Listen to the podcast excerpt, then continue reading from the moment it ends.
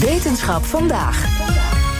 Kunnen we nog achter het gedrag komen van dieren die er al lang niet meer zijn? Gewoon uitgestorven, denk de dino's. Uh, dat vragen onderzoekers zich af. Kunnen we achter hun gedrag komen? Wetenschapsredacteur Carlijn Meinders, jij hebt vast een antwoord. Ja, uh, daar komen ze namelijk steeds verder mee. En vandaag horen we hier meer over van bioloog Jimmy de Roy van Naturalis. Hij keek in zijn promotieonderzoek naar dinosaurussen. Ja, mooi. In het bijzonder naar de Triceratops.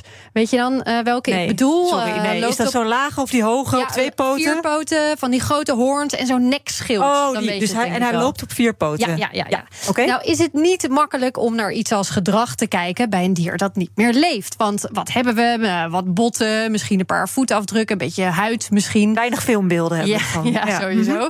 Toch lukt het ze steeds beter om daar dingen aan af te leiden. Nou is zo'n tien jaar geleden een massagraf ontdekt...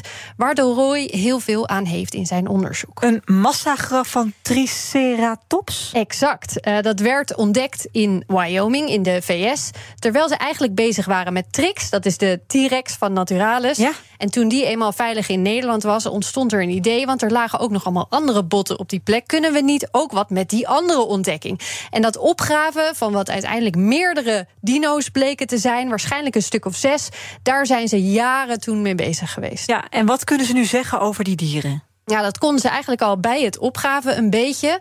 Omdat we al zoveel weten over hoe de schedelbotdelen van zo'n Triceratops zich ontwikkelen. We weten heel goed hoe zo'n jong beestje zich ontwikkelt naar een individu, naar een ouder individu. Want dan zie je heel veel veranderingen optreden in die hoorns en in die schedelonderdelen, in die kam bijvoorbeeld. En we zien daar dus inderdaad twee verschillende morfologieën, twee verschillende vormen eigenlijk. Die we kunnen linken aan een zogenaamde subadult op de Engels. Hè, dus eigenlijk zo'n jong volwassene, adolescent kan je benoemen. Uh, en een echt wat ouder, volgroeide volwassene. En dat zijn dus twee best wel subtiele, maar hele duidelijke leeftijdscategorieën die we eruit konden halen. En dat is super gaaf. Dus dan heb je een, een massagraf, waarbij je dus verschillende leeftijdsklassen hebt. Hè. En, en, ja, dan ga je al heel snel denken over heel veel andere dingen. Uh, van, ja, uh, hoort er bij elkaar. Dat je dat een onderzoeker hoort zeggen. Super gaaf, zo'n massagraf. Ja, ja, ja, maar ja, in dit geval ben ik het helemaal met hem eens.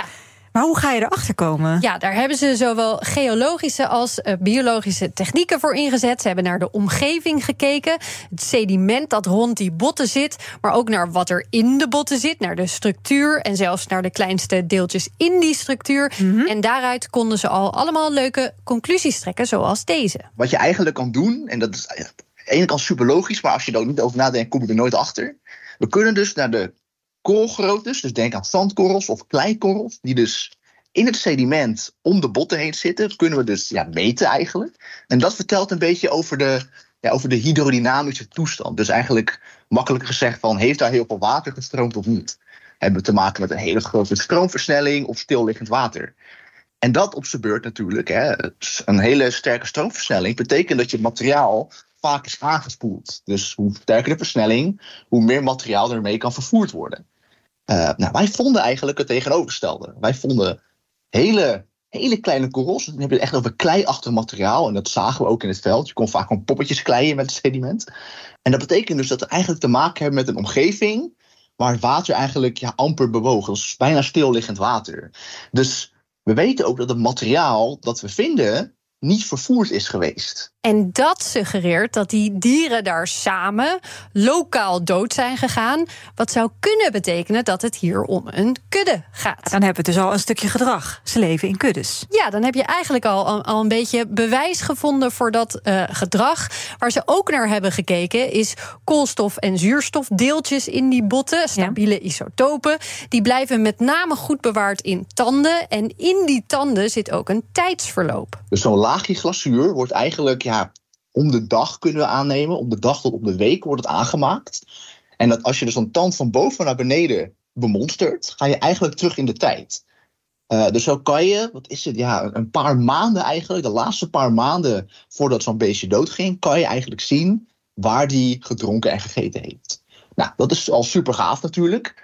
Maar dit kunnen we dus ook toepassen doordat het vergelijken binnen die groep van ons. Dus wij hebben dus vijf individuen die dus we denken samen daar hebben geleefd en gestorven. Dus dan verwacht je ook dat die vijf individuen inderdaad hetzelfde verloop laten zien. Die die laatste paar maanden van hun leven op dezelfde plekken zijn geweest. Hetzelfde eten hebben gegeten, hetzelfde water hebben gedronken. En het gaaf is, dat zien we dus ook een beetje. Dus we zien inderdaad aan de stabiele isotopen die ik heb onderzocht, dat we eigenlijk geen verschil zien in die vijf individuen. Dus we, we kunnen niet zeggen van ja, deze komen van een hele andere plek. Nog meer bewijs dus dat ze waarschijnlijk bij elkaar gehoord hebben. Familie? Kunnen we niet naar DNA kijken dan? Dat blijft helaas niet zo lang bewaard. Um, dus bewijzen dat ze echt genetisch verwant waren, dat wordt heel lastig. Wat ze wel nog hebben gedaan, is de microstructuur van het botweefsel bekijken. Dat kan weer aan de vorm van de schedelonderdelen worden gekoppeld. En dat bevestigt, uh, het gaat hier om jongvolwassenen, net volwassen dieren. Dino's in hun prime eigenlijk. Niet om zwakke dieren, de jonkies en de kwetsbare ouderen. En dat zegt ook weer iets over hoe ze zijn gestorven. Waarschijnlijk uh, één behoorlijk ingrijpende gebeurtenis. Ja, ik denk dan meteen iets van een overstroming. Ja, iets misschien van, of een eh, modderlawine of zo. Ja. Uh, ja, er zijn dus nog wel wat vragen te beantwoorden. Ook bijvoorbeeld waarom waren juist deze individuen samen een kudde? En als je dat vergelijkt met dierenkuddes van nu, of bijvoorbeeld van andere dino's, lijkt het dan op elkaar? En hoe lang waren ze dan samen? Uh, maar de Roy zei ook, dat uitzoeken is zo'n beetje een levenswerk. Ja, dus het is echt één groepje aan het onderzoeken dan. Ja, ja, ja, en zelfs dit allemaal beantwoorden met wat ze nu hebben... is gewoon gigantisch veel werk. Dus het kan zijn dat we op dat antwoord nog even moeten wachten. Dankjewel, Carlijn.